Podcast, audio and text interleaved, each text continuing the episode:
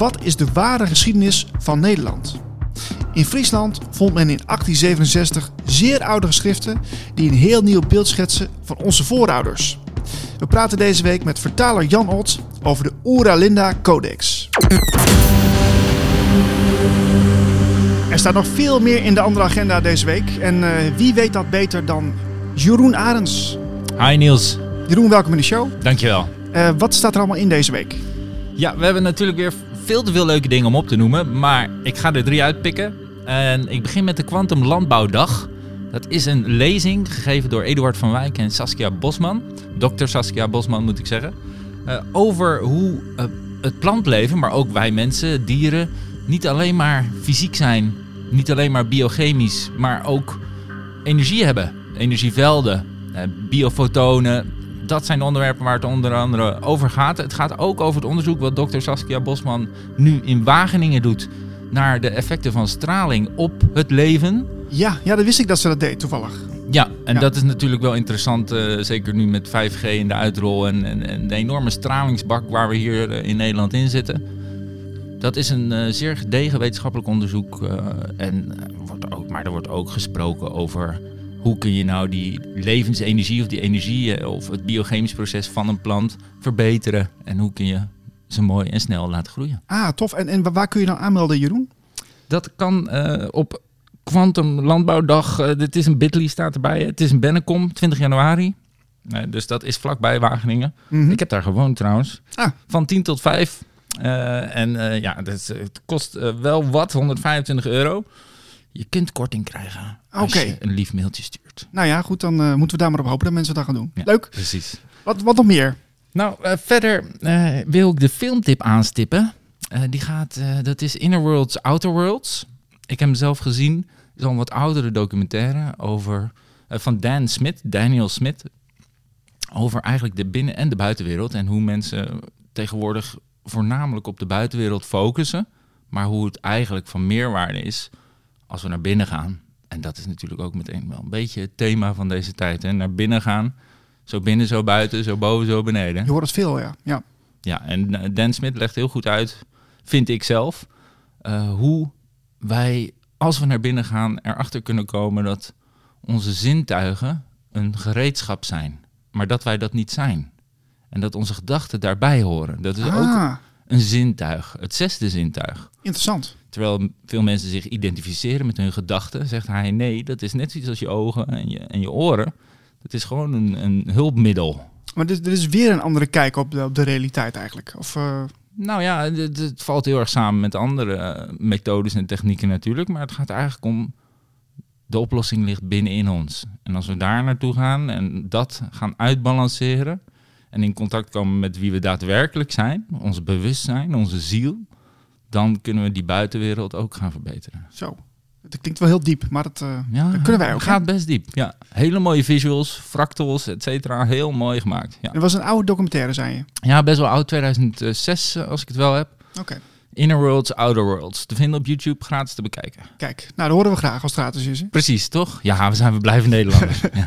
Wat, wat heb je tot, eh, tot slot nog, eh, Jeroen? Als afsluiter heb ik eh, een hele interessante lezing van Damaris Matthijssen in het Spectrum Antroposofie in Rotterdam.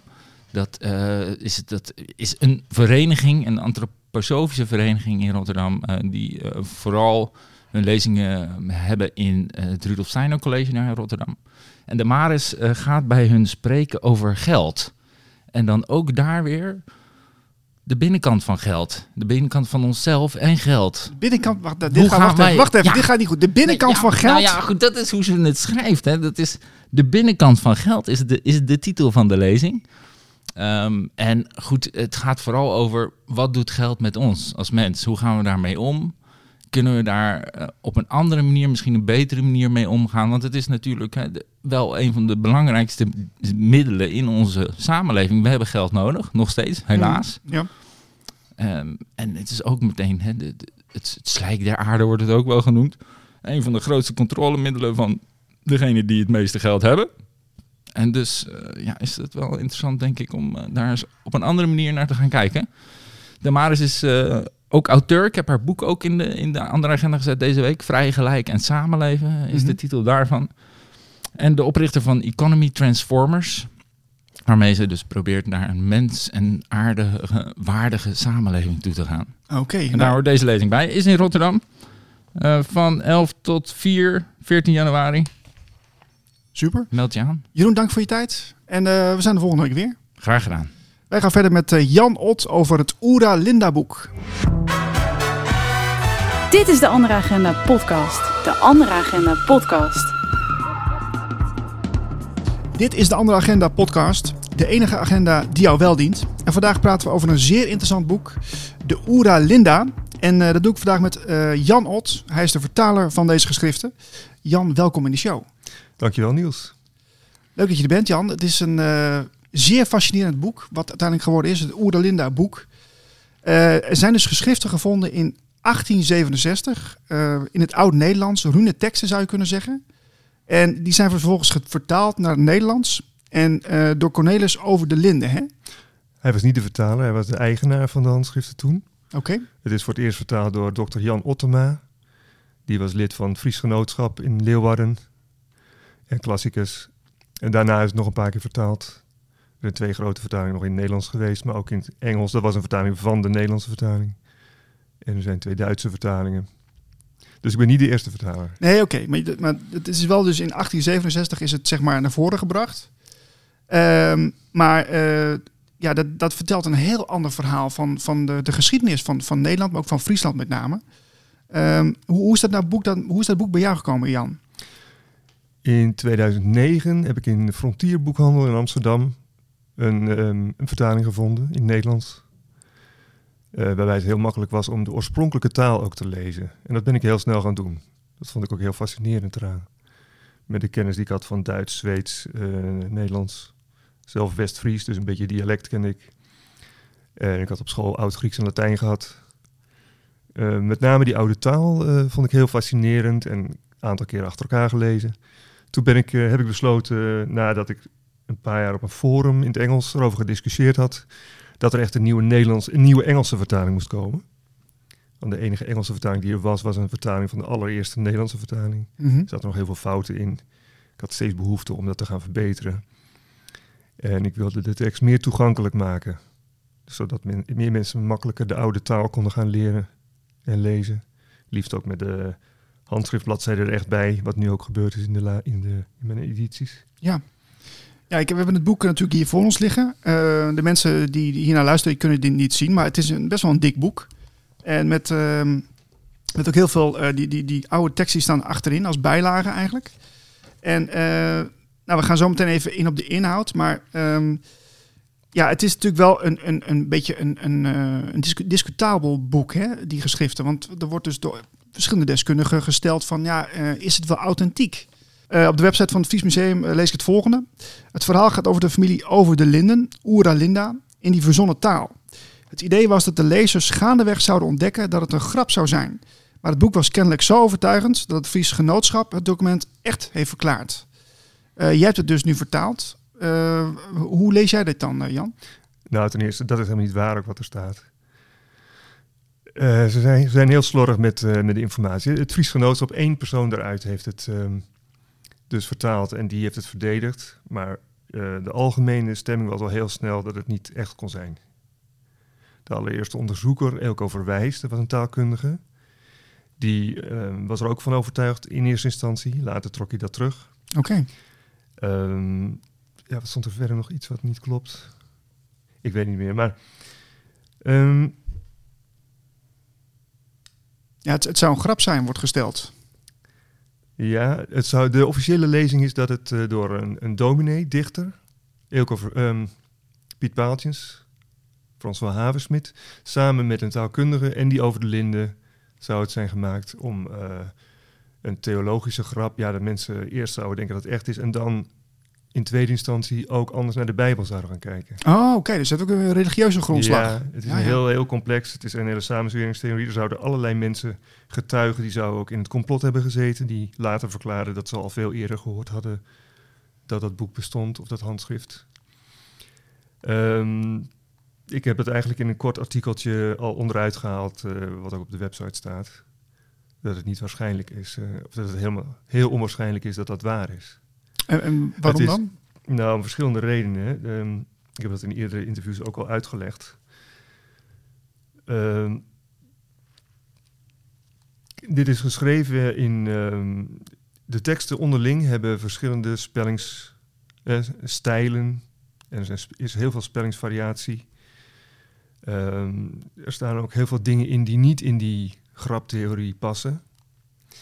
De taalkundige die dan eh, verdacht zou zijn, die zouden dus eerst eh, vanuit zijn functie als bestuurslid van, van het Friesgenootschap gevraagd hebben aan ehm, gedeputeerde staten voor geld om het aan te kopen. Oh, en om het te gaan vertalen.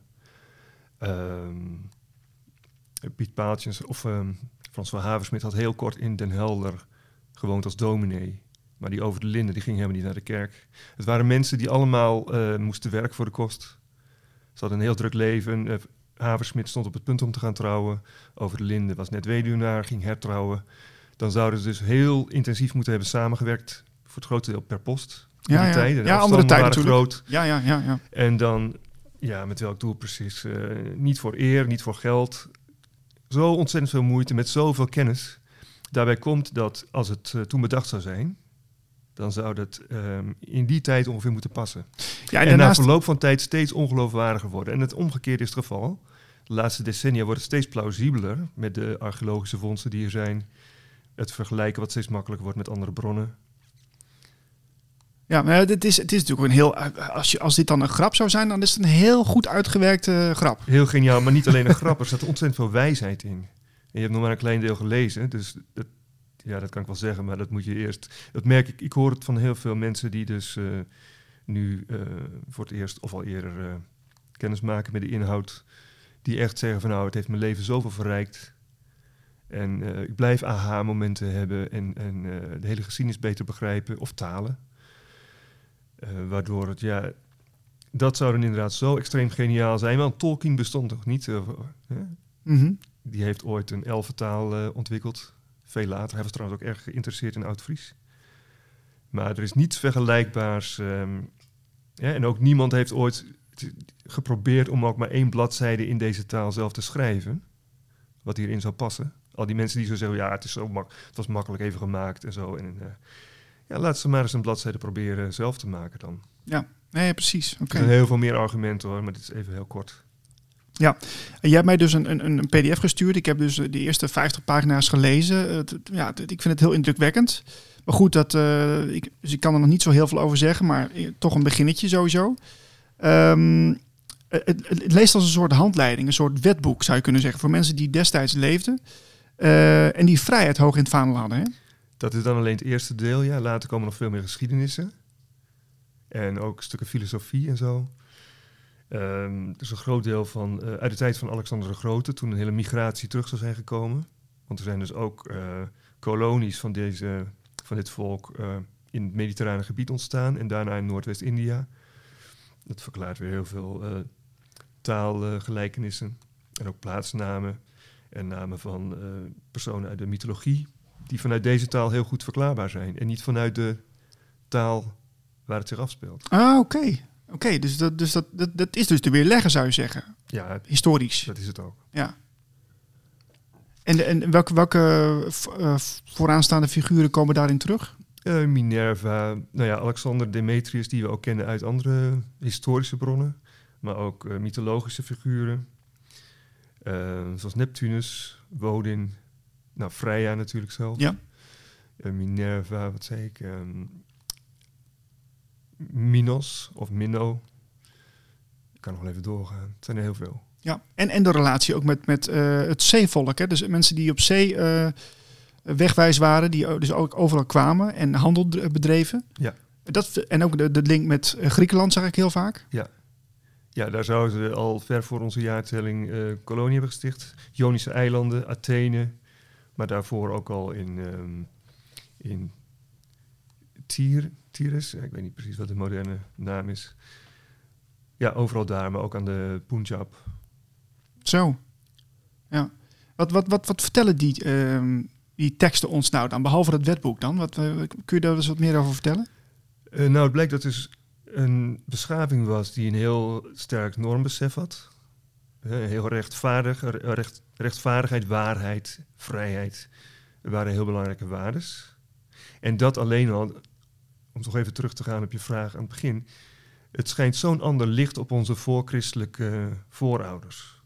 Ik heb voor de gelegenheid even gekeken naar een serie die op televisie is geweest. Gepresenteerd door Daan Schuurmans. Het verhaal van Nederland. Er werd in grote mijlslaarzen door de geschiedenis vanaf de jager-verzamelaars tot aan de Tweede Wereldoorlog, geloof ik. Ik heb niet alle delen gezien. Daarin wordt gesuggereerd dat de oud-Friezen, voordat ze gekerstend werden, mensenoffers. Ja. En er is een heel ingrijpende scène waarbij twee kinderen aan een paal worden vastgebonden Zo. op het wat. En dus gewoon levend eh, verdrinken als een offer aan de goden. Om, om ze goed Dat is eh, behoorlijk... gunstig eh, te stemmen. Maar ja, dat, dat wordt nu dus aan, aan de Nederlandse bevolking en ook aan kinderen. En dat is eigenlijk altijd zo'n beetje het idee geweest dat dankzij de kerstening zijn we meer beschaafd geworden en zo. En daarvoor waren we allemaal wilde barbaren. ja. In de Bijbel, in het Oude Testament, wordt ook steeds die term heidenen eh, met gruwelen verbonden en, en bestialiteit en dergelijke. En zo. Ja, als je dat nu leest, kritisch, met wat we nu weten over de Great Reset die er zou komen, dat was natuurlijk een hele grote reset. Waarbij alles wat daarvoor was gedemoniseerd moest worden Ja. en vernietigd. Ehm, als uit deze teksten blijkt dat er wel degelijk een hele hoge bestrafing was, heel hoogstaande beschaving, met burchten, maar ook eh, schrift.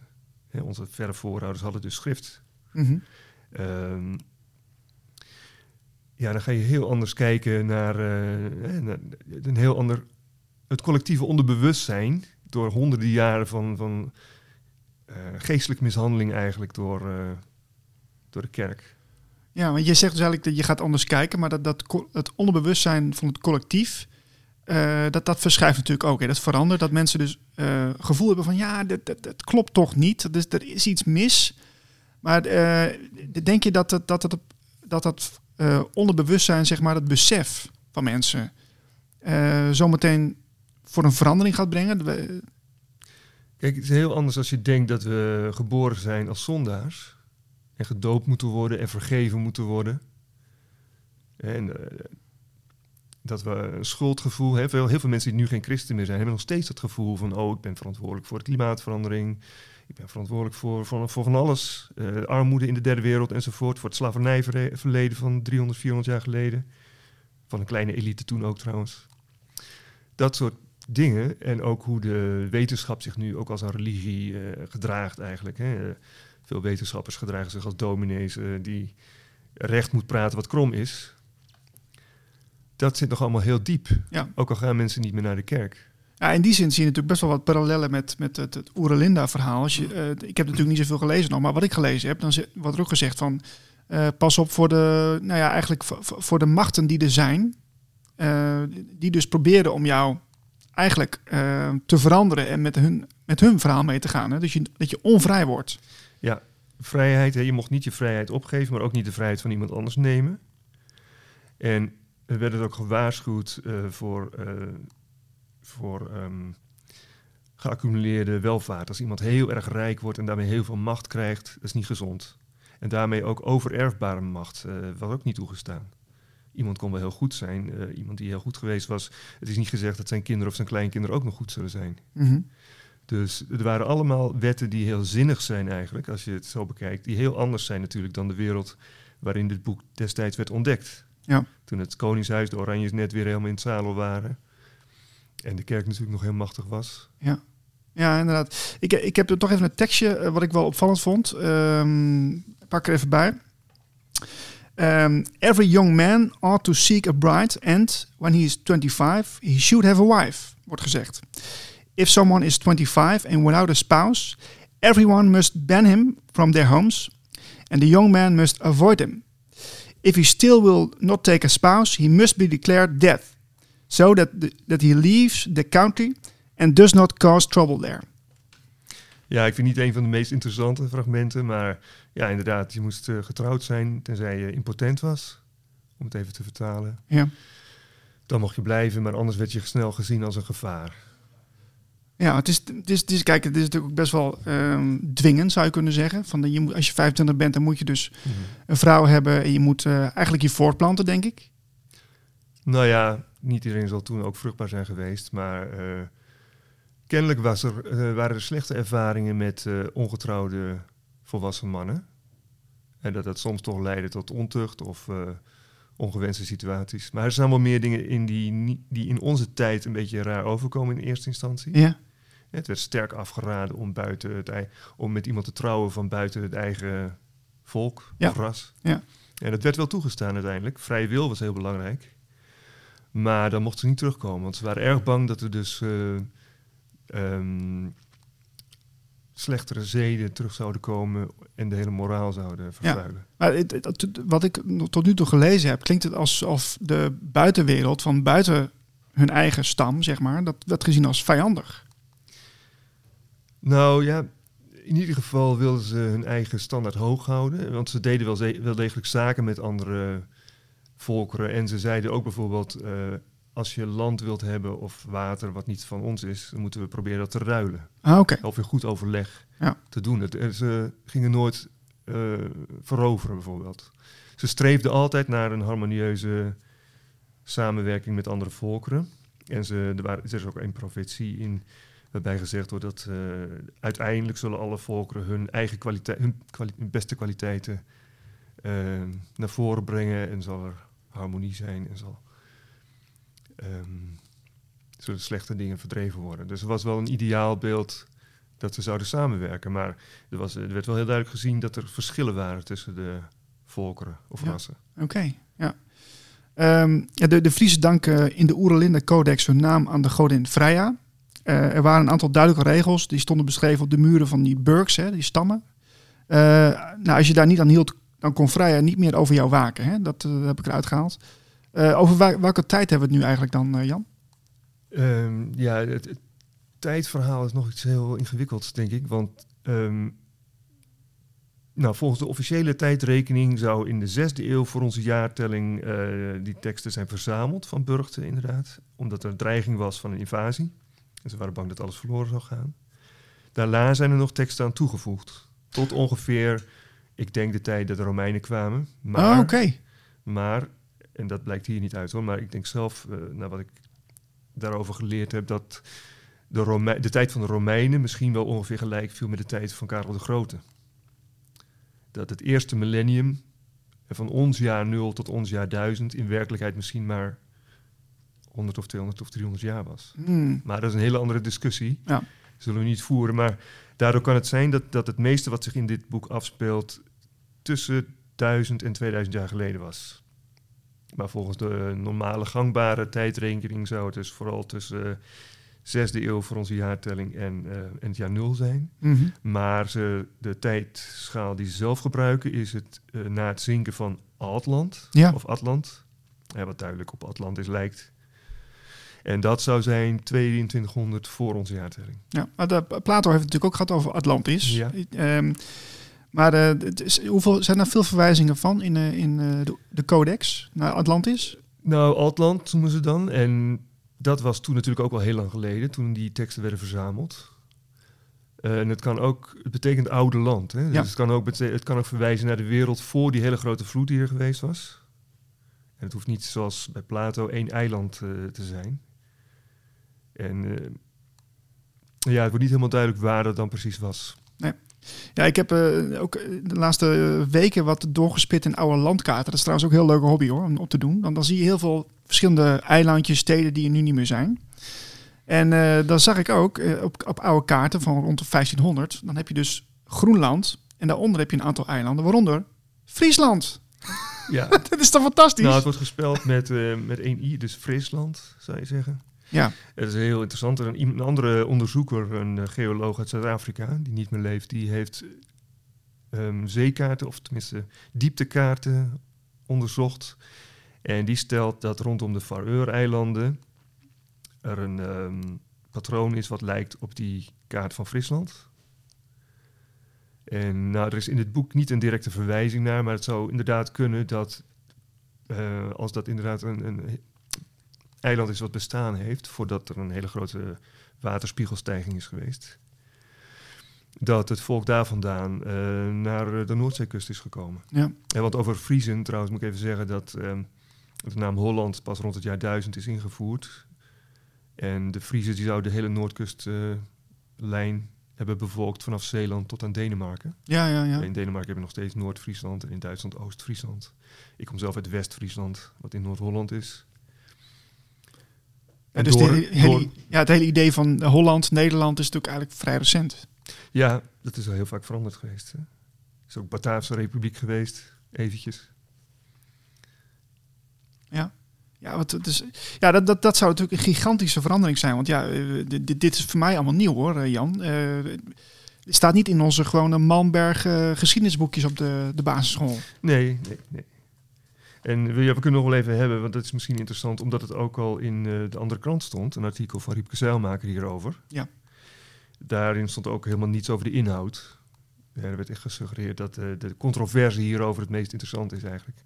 En dat vond ik wel jammer. Ja, nee, dat snap ik. Ja, daar, daarom wil ik ook graag hebben over de Ja. inhoud. Van, want de- de- het begint dus met wetteksten, Mhm. eh, leefregels zou je kunnen zeggen. En daarna gaat het dus ook door op ge- gedragingen naar andere cultuur. Er staan ook hele dialogen in van volksmoeders of burgmoeders met, eh, met bijvoorbeeld Griekse priesters. Minerva, dat is een geweldig stuk. Ehm, En wat, wat, wat leer je daar nou van, Jan? Wat heeft het jou gebracht, dat, eh, die, die inzichten in het boek? Dat ben ik wel benieuwd naar. Ehm, nou, wat heel. Het is, het is lastig praten met iemand die het nog niet gelezen heeft, helemaal hoor. Maar ehm, er is een soort spiritualiteit in dit boek. En ik ben zelf niet christelijk opgevoed. Maar ik ben wel later tot een besef gekomen dat er eh, veel meer eh, is dan alleen de materiële wereld. En ook veel meer dan je eigen persoonlijke bewustzijn. Of zelfs het groepsbewustzijn. Maar ehm, ja, hier is sprake van eh, wat ze ook wel God noemen. Het woord God is symmetrisch. Ja. En dat betekent ook goed of volmaakt. Dus dat is niet alleen iets uit de christelijke traditie, Joods, Joods en christelijk. Eh, maar Vralda, dat is de naam, Oeralda of Vralda. En het woord wereld zou daarvan afkomen. Het betekent letterlijk oeroude of overoude. Dat zou het begin zijn van alles. En die oudste geschiedenis heb je als het goed is al wel gelezen. Mhm, ja. Die zou het aanvang, het begin hebben gemaakt. Daaruit kwam de tijd, ja, en dan verschillende... eh, toen ontstond alles, de aarde. En eh, de aarde, ehm, uit de aarde werden drie dochters geboren. Ja. Waaruit de drie verschillende rassen zouden komen. Eh, maar deze Vralda, of, eh, de- daarvan wordt niet gezegd dat hij wraakzuchtig of eerzuchtig is, dat hij geëerd moet worden. Eh, ze gaan ook niet steeds vragen om hulp of zo aan deze god. Er wordt gezegd, probeer het eerst zelf te doen. Probeer je eigen meester te zijn. Ja, dus eigenlijk dat, dat, het onafhankelijk worden, dat zit daar veel meer in dan als je, als je het Oude Testament erbij pakt. Ja, nou, je kunt ook alleen maar vrij zijn als je je eigen meester kan zijn. Hè? Ja, en wat, wat, wat is dat dan? Is dat dan eh, wat is je eigen meester zijn? Eh, niet alleen jezelf kunnen bedwingen, maar ook jezelf kunnen motiveren. En als je geen meester nodig hebt, dan wil je ook geen meester hebben. Heel veel mensen nu die willen toch wel heel graag dat de televisie ze vertelt wat ze moeten geloven of wat ze niet mogen denken en zo. We zijn heel erg gewend eh, dat we een regering hebben of een. Eh, nou ja, als je, als je wendt aan het idee van een Heer God, of een Heer Jezus die je moet dienen, die je wilt dienen, Ja. Ehm, dan is het idee dat je een koning moet en wil dienen. Die link is natuurlijk vroeger heel snel gemaakt. Die, die koningen werden ook als een soort goden eh, voorgesteld en gepresenteerd. Wa- Waarom is het, waarom is het Oerlinda-boek zo relevant in deze tijd, eh, Jan? Het laat iets zien over een grote reset die er ooit is geweest.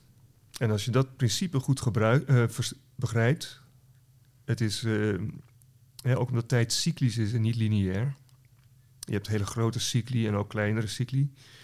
Eh, je gaat de geschiedenis beter begrijpen als je op die manier gaat kijken naar, naar geschiedenis. En sommige mensen vinden het vooral interessant om naar de laatste honderd jaar te kijken. Dat is al voor sommige mensen al heel lang. maar kijk, als je de Reformatie goed begrijpt, of de Franse Revolutie, ehm, nou, de kerstening zelf natuurlijk, dat was een van de grootste resets die we kennen. En de processen die zich daarbij afspeelden, hè, het, eh, die geloofsrichtingen, die maakten elkaar al helemaal af. En die vernietigden elkaars eh, geschriften. Dus dan kan je ook best voorstellen dat geschriften die er van een oudere cultuur zijn geweest, dat die voor een heel groot deel vernietigd zullen zijn, in beslag genomen, natuurlijk vanzelf vergaan ook. Ja. Maar wie weet wat er nog in geheime archieven ligt hierover. En kijk, eh, identiteit is, voor, is belangrijk. Hè? Een sterk identiteitsgevoel. Wie ben ik? Waar ga ik naartoe? Waar kom ik vandaan? En veel mensen weten niet eens wie hun overgrootouders waren. Het zijn er maar acht en het is helemaal niet zo lang geleden. Mhm. Nederland is een walhalla overigens eh, voor eh stamboomonderzoek. Oh ja? Ja, je kunt op internet echt vrijwel alles vinden als je eenmaal weet wie rond het jaar 1900 leefde. Vanaf die tijd is het eh, ongeveer bekend, eh, openbaar. Je moet 100 jaar dood zijn voordat eh, je geboorteakte op internet komt. Maar eh, ja, je kan vrij makkelijk tot aan de 18e eeuw teruggaan. En ik denk dat op, geschiedenisonderwijs op de lagere school zou daarmee moeten beginnen. Ja. Da- daar moeten we dus ook weer een Dan- herziening komen, nou, volgens jou. Dan wordt geschiedenis ook veel interessanter. Wa- waarom dan? dan krijgt het veel meer betekenis. Dan weet je, oh, mijn verre voorvader was in die tijd schipper of boer. Of, eh, Je ziet het nog wel in de naam terug, hè? soms wel, ja. Ja, maar ja, wat betekent jouw naam, weet je het? Nou, ik heb, eh, ik heb toevallig een oom gehad. Die, eh, die zei, ja, ik heet dus Niels Lunsing. Maar Lunsing zou dus een verbastering zijn van Lustig. Dat is Duits. Oh ja. Maar wat dat dan weer betekent, dat weet ik niet. Ja, net als eh Jozef Luns, hè? Ja.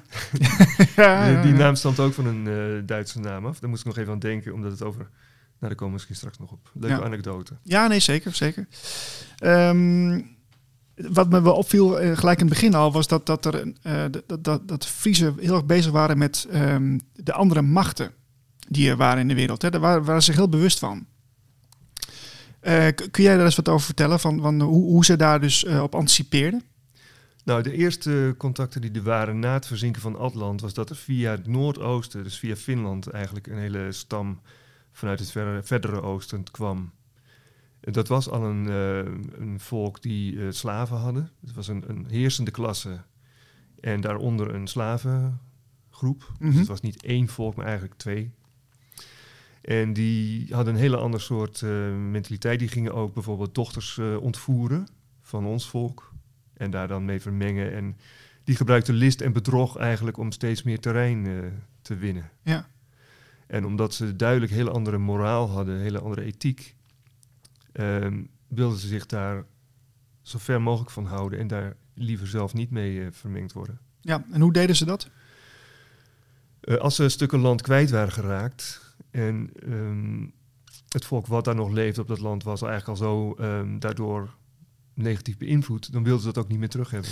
Nee, daar was heel strikt in. Hè? Van oké, je, je maakt nu een fout of je, je, je kiest nou om een ander pad eh, te lopen, dan, eh, dan is het ook echt helemaal eh, afgelopen. En dan kan Freya jou ook niet meer helpen. Nou, dat staat dus in die tekst vrijheid, ja.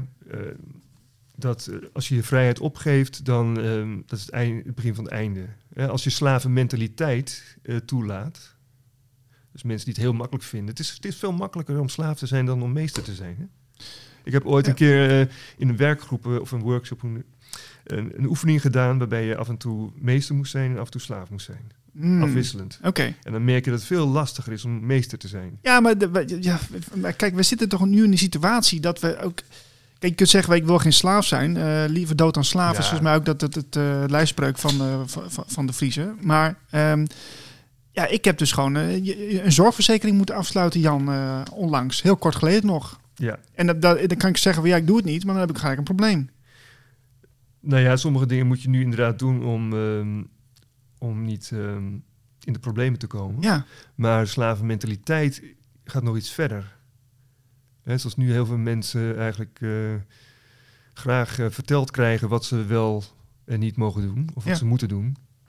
Dat zag je met die mondkapjes ook. Sommige mensen die, die, die dat zo ja, letterlijk slaafs. Zelfs als ze wisten dat het geen zin had, dan deden ze het nog, omdat het moest. ja. Eh, maar nog even terug naar die tijd. eh, als je dus slavenmentaliteit toelaat. Hè, die mensen die een slavenmentaliteit hebben, die nodigen andere mensen uit om over hun te heersen. Mhm. Nou, als die steeds meer macht krijgen, da- daardoor, macht corrumpeert. Dus dan heb je op een gegeven moment een klasse die heel veel macht heeft en heel veel ellende daarmee kan doen. En omdat ze steeds corrupter worden daardoor, Ja. zullen ze ook niet meer het beste voor hebben voor. eh, Ja, maar wat, de, de, dus die, die geschriften die zijn dus, eh dat zijn verschillende, s- ja, hoe zou ik het zeggen, eh, stadia zou je kunnen zeggen, want, want later zijn er andere geschriften aan toegevoegd. mhm. Maar ik, ik las laatst in de andere krant dat dat zei Riepke Zeilmaker zelf, dat de, de, de Friese hielden ook slaven uiteindelijk. Ja, dat kan ik ontkrachten. Dat kun je ontkrachten, Ja, ik vind het een heel, heel belabberd stuk van eh, Riepke. Dat is dus een, gebaseerd op een... dat zou de Friese wetten zijn geweest die in de tijd van Karel de Grote in het Latijn zijn opgeschreven. En daarbij wordt gezegd, eh, als, een als een slaaf gedood wordt, dan kost dat zoveel geld. En als een vrijman eh wordt eh, vermoord, dan kost het zoveel geld. Mhm. En, en het leven van een slaaf was dus veel minder waard. Ja. Als die tekst al authentiek is, dan waren er in die tijd inderdaad mensen die slaven hadden. Of dat er veel waren, weet ik helemaal niet. Nee. En dat blijkt ook helemaal niet eruit. Eh Riepke begint zijn stukje met... eh, de Friezen zouden een omvangrijk slavernijverleden hebben. Dat blijkt daar helemaal niet uit. En het kan ook ehm anti-vrijheidspropaganda zijn geweest van, de, van Karel de Grote. en Ja, ja, Franken. ja, ja. Hè, want om, juist omdat die slavernij zo'n taboe was, als je zo'n volk verslagen hebt, is het natuurlijk heel interessant om te suggereren dat ze wel degelijk ook slaven hadden. ja. Nou, of, eh, om, om ze überhaupt nog te vermelden, hè? Ook nog eens een Ja, keer. want- ja, als je ze vermeldt, dan vermeld je ze op zo'n manier. Ja, Of dan zeg je van ja, die, deden, die offerden hun kinderen op aan de goden en zo. Ja. Eh, en ze hadden allerlei andere monsterlijke praktijken. Dus oh, wat zijn we blij dat ze nu allemaal eh, christelijk zijn geworden. ja. En Riepke die wil ook heel graag geloven dat we onze beschaving te danken hebben aan het christendom. Ja dat, dat weet ik niet. Dan moet je met Riepke zelf maar even eh, bespreken. Nou ja, nee, maar dat- als, je, als je dat denkt, dan wil je dus graag geloven dat daarvoor. Maar wat gebeurt er met je, met je identiteit als je denkt, als je ervan uitgaat dat onze verste voorouders eh, hele wrede barbaren waren? ja, als afkeer krijg je Die dan. de, die de slaven hadden, hun kinderen offerden aan de goden. Eh, en nog erger soms, wat in de Bijbel wordt gesuggereerd. En ik ben niet antichrist. Ik, ben, ik heb respect voor mensen die christelijk zijn. Er gebeuren nog hele mooie dingen in kerken tegenwoordig. En dominees doen heel goed werk vaak. Maar eh, als je ervoor open staat dat er misschien, dat er misschien een beschaving is ehm, afgeslacht, vermoord. Er is een genocide geweest. Eh, na die kerstening zijn er trouwens honderden jaren geweest van hele wrede martelpraktijken. Genocides die, die als voorbeeld hebben de dingen die in het Oude Testament staat. Hè, wanneer God opdracht geeft om bepaalde volkeren af te slachten. Ja. Met kinderen en dieren erbij en zo. En eh, nou, ook de slavernij, wat in de Bijbel heel normaal is. Ja, dan kun je je afvragen of we die beschaving die we nu hebben, of die te danken hebben aan het christendom. Of aan iets wat er daarvoor al was en wat veel dieper in ons zit. Wat toch steeds is blijven bestaan. Ja, dat wil ik dus net zeggen. Als je kijkt dat als je teruggaat naar die, eh, die, die geschriften eh, en, en laten we dan uitgaan hè, dat het eh, authentiek is. En je ziet nu die, die, ehm, eh, die Friese mentaliteit die er eigenlijk nog wel steeds is, vind ik. Eh, toch. Ja, niet alleen Fries hoor trouwens. nee, oké, misschien, misschien noordelijk of, of, of eh, ja, geef de naam. Maar dat, er is dus wel een overblijfsel van die tijd, zou je kunnen zeggen. Er zijn eigenlijk veel mensen die, die vrijheid, waarheid en recht belangrijk vinden. En kijk, omdat dit volk ook al zo lang de hele wereld over is gegaan, zijn die sporen overal te vinden. Ja, een soort rechtschapenheid zou je kunnen zeggen. Van de, de, de, je, je interne antenne zegt van dit klopt niet. Ja, en dat was dus ook een van de dingen die zij toen ook heel nadrukkelijk zeiden. Wat goed en wat kwaad is, kan ieder in zijn eigen hart Ja. voelen. Precies. Als hij niet bedorven is. Ja. En daarvoor heb je dus niet tien geboden nodig die hele vanzelfsprekende dingen voorschrijven. Er staat ook in eer uw vader en uw moeder. Dat is wel een goed gebod trouwens. En dat kun je verder doortrekken. Eer je verre voorouders ook. Want als je weet waar je lang geleden vandaan komt, dan kan je beter begrijpen wie je zelf bent en waar je misschien naartoe wilt. Ja, dat is een mooie. Doen we dat te weinig? Ja, dat denk ik wel, ja. Hoe komt, hoe komt dat? Ehm, nou, één ding wat grappig is. Ik, toen ik als tiener ging ik vaak al naar het archief om stambomonderzoek te doen.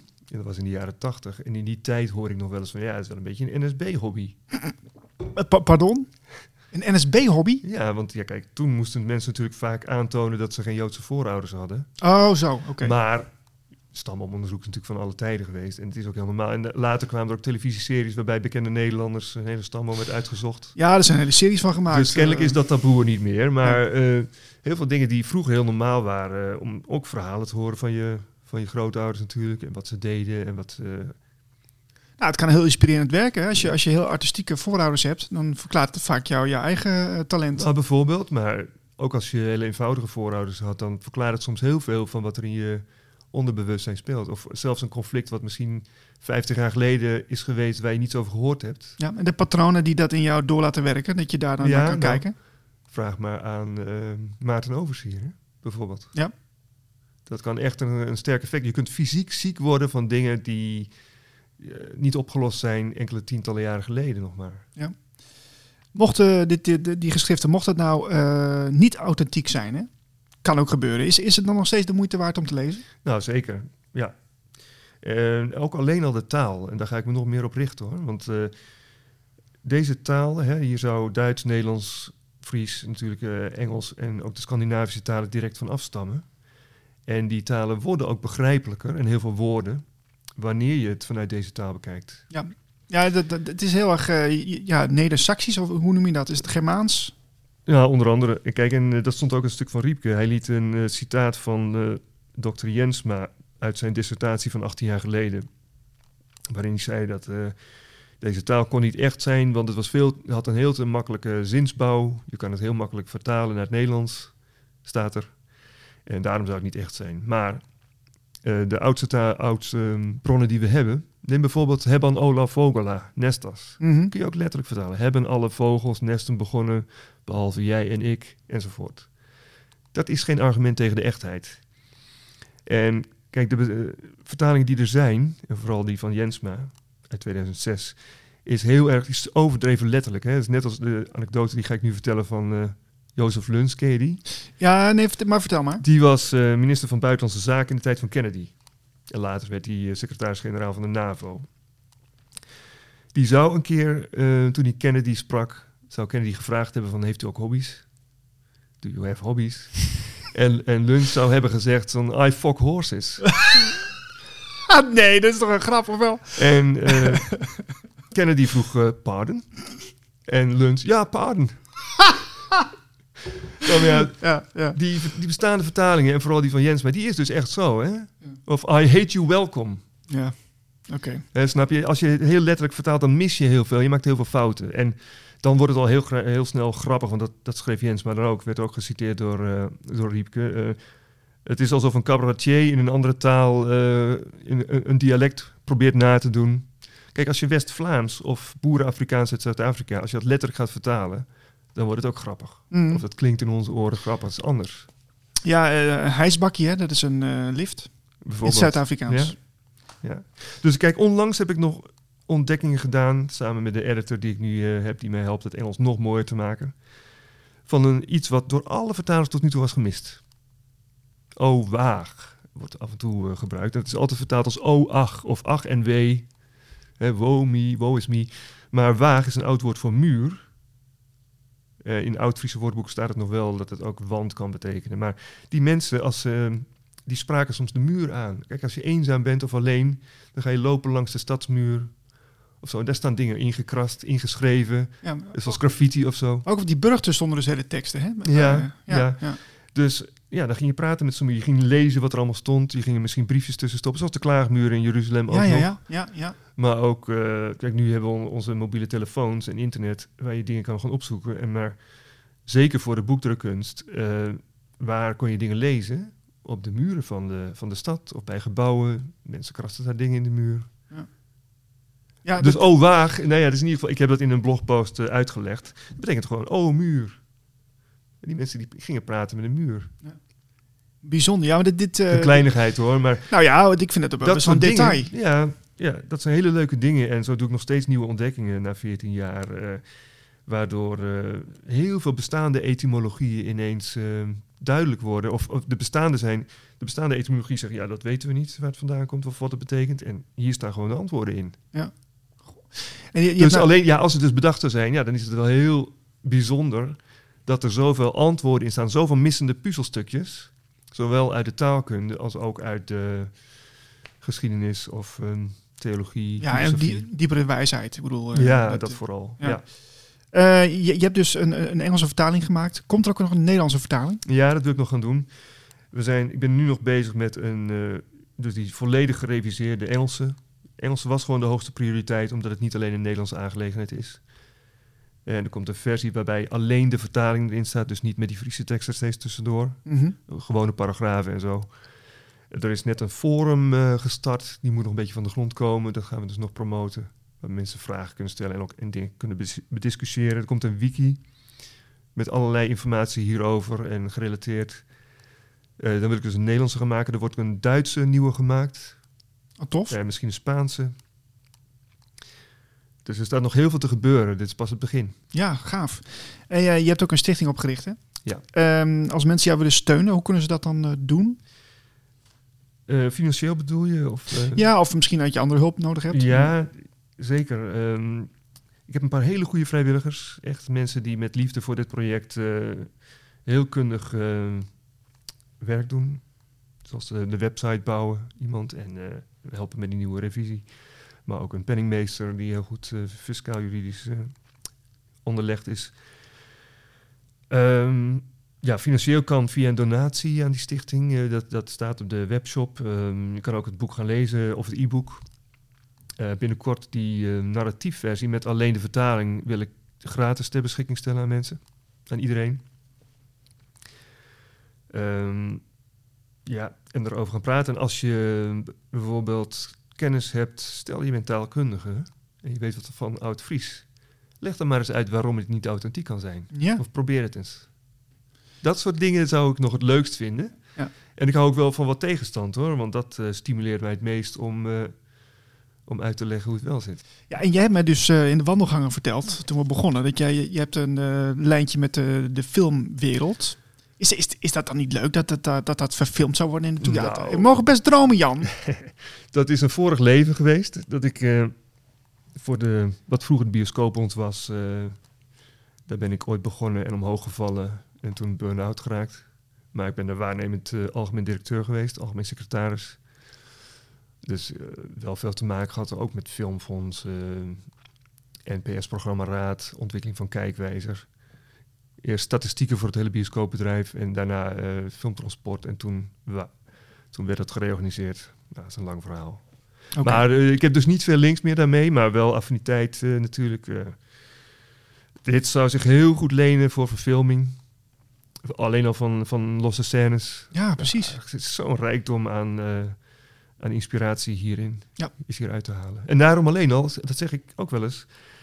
Zelfs als dit dus een 19e eeuwse fictie zou zijn, hè, dan is het heel bizar dat het, nog no- dat het zo verborgen blijft. Nou, dat, dat ook, ja. Dat ja. je er niets over leert op school, normaal gesproken. Ja, in, in Friesland eh, maken ze de kinderen wel allemaal wijs, tenminste de paar die dan opletten, dat het dus een 19e eeuwse grap is. En het wordt zo belachelijk gemaakt. Eh, maar ja, ik denk dat die, die faculteit Fries die nu is opgeheven, die zou denk ik veel meer kans hebben gehad als dit, wat heel erg tot de verbeelding spreekt. Het nodigt heel erg uit om na te denken over geschiedenis en over taal. Ja, en je ziet ook heel veel parallellen met, eh, met deze tijd. Hè? Eh, als, eh, hoe, hoe je ziet dat, de macht zich beweegt en hoe de mensen daarop reageren. Ja, en gebruik maakt van, van, oorlogs, van technieken, van oorlogsvoering, die niet met wapens of met fysiek geweld zijn, maar juist met list en bedrog, Juist. misleiding. En dat, dat, is, eh, dat heb ik toen ook met Catherine Austin Fitz besproken in dat gesprek, wat nu ook ondertiteld is eh, en, en eh, ingekort. Maar wie dit interessant vindt, raad ik dus zeker ook aan om de andere dingen te gaan luisteren. Dat, dat interview onder andere, maar ook met Vivo Valentine met Boris. Er komt ook nog een tweede gesprek. Leuk. Eh, hoe kunnen mensen het boek bestellen? Nou, via de website, en dat is oeralinda.org. En daar zijn ook links naar dat forum en naar andere informatie, naar een weblog. Dus daar eh, kan je terecht. Fantastisch. Jan, ik wens je heel veel succes en eh, dank voor je tijd. Jou ook bedankt. De andere agenda podcast. We gaan het zelf doen. We gaan het lekker zelf doen. Volgende week zijn we weer met een nieuwe editie van de Andere Agenda podcast. En wil je nou ook in de krant met aandacht voor jouw workshop, lezing of initiatief? Meld je dan aan via agenda.deanderekrant.nl en volg ons ook op Twitter, Instagram en Facebook. Tot volgende week. Wil je meer van de andere krant? Kijk op anderekrant.nl. Kijk op deanderekrant.nl.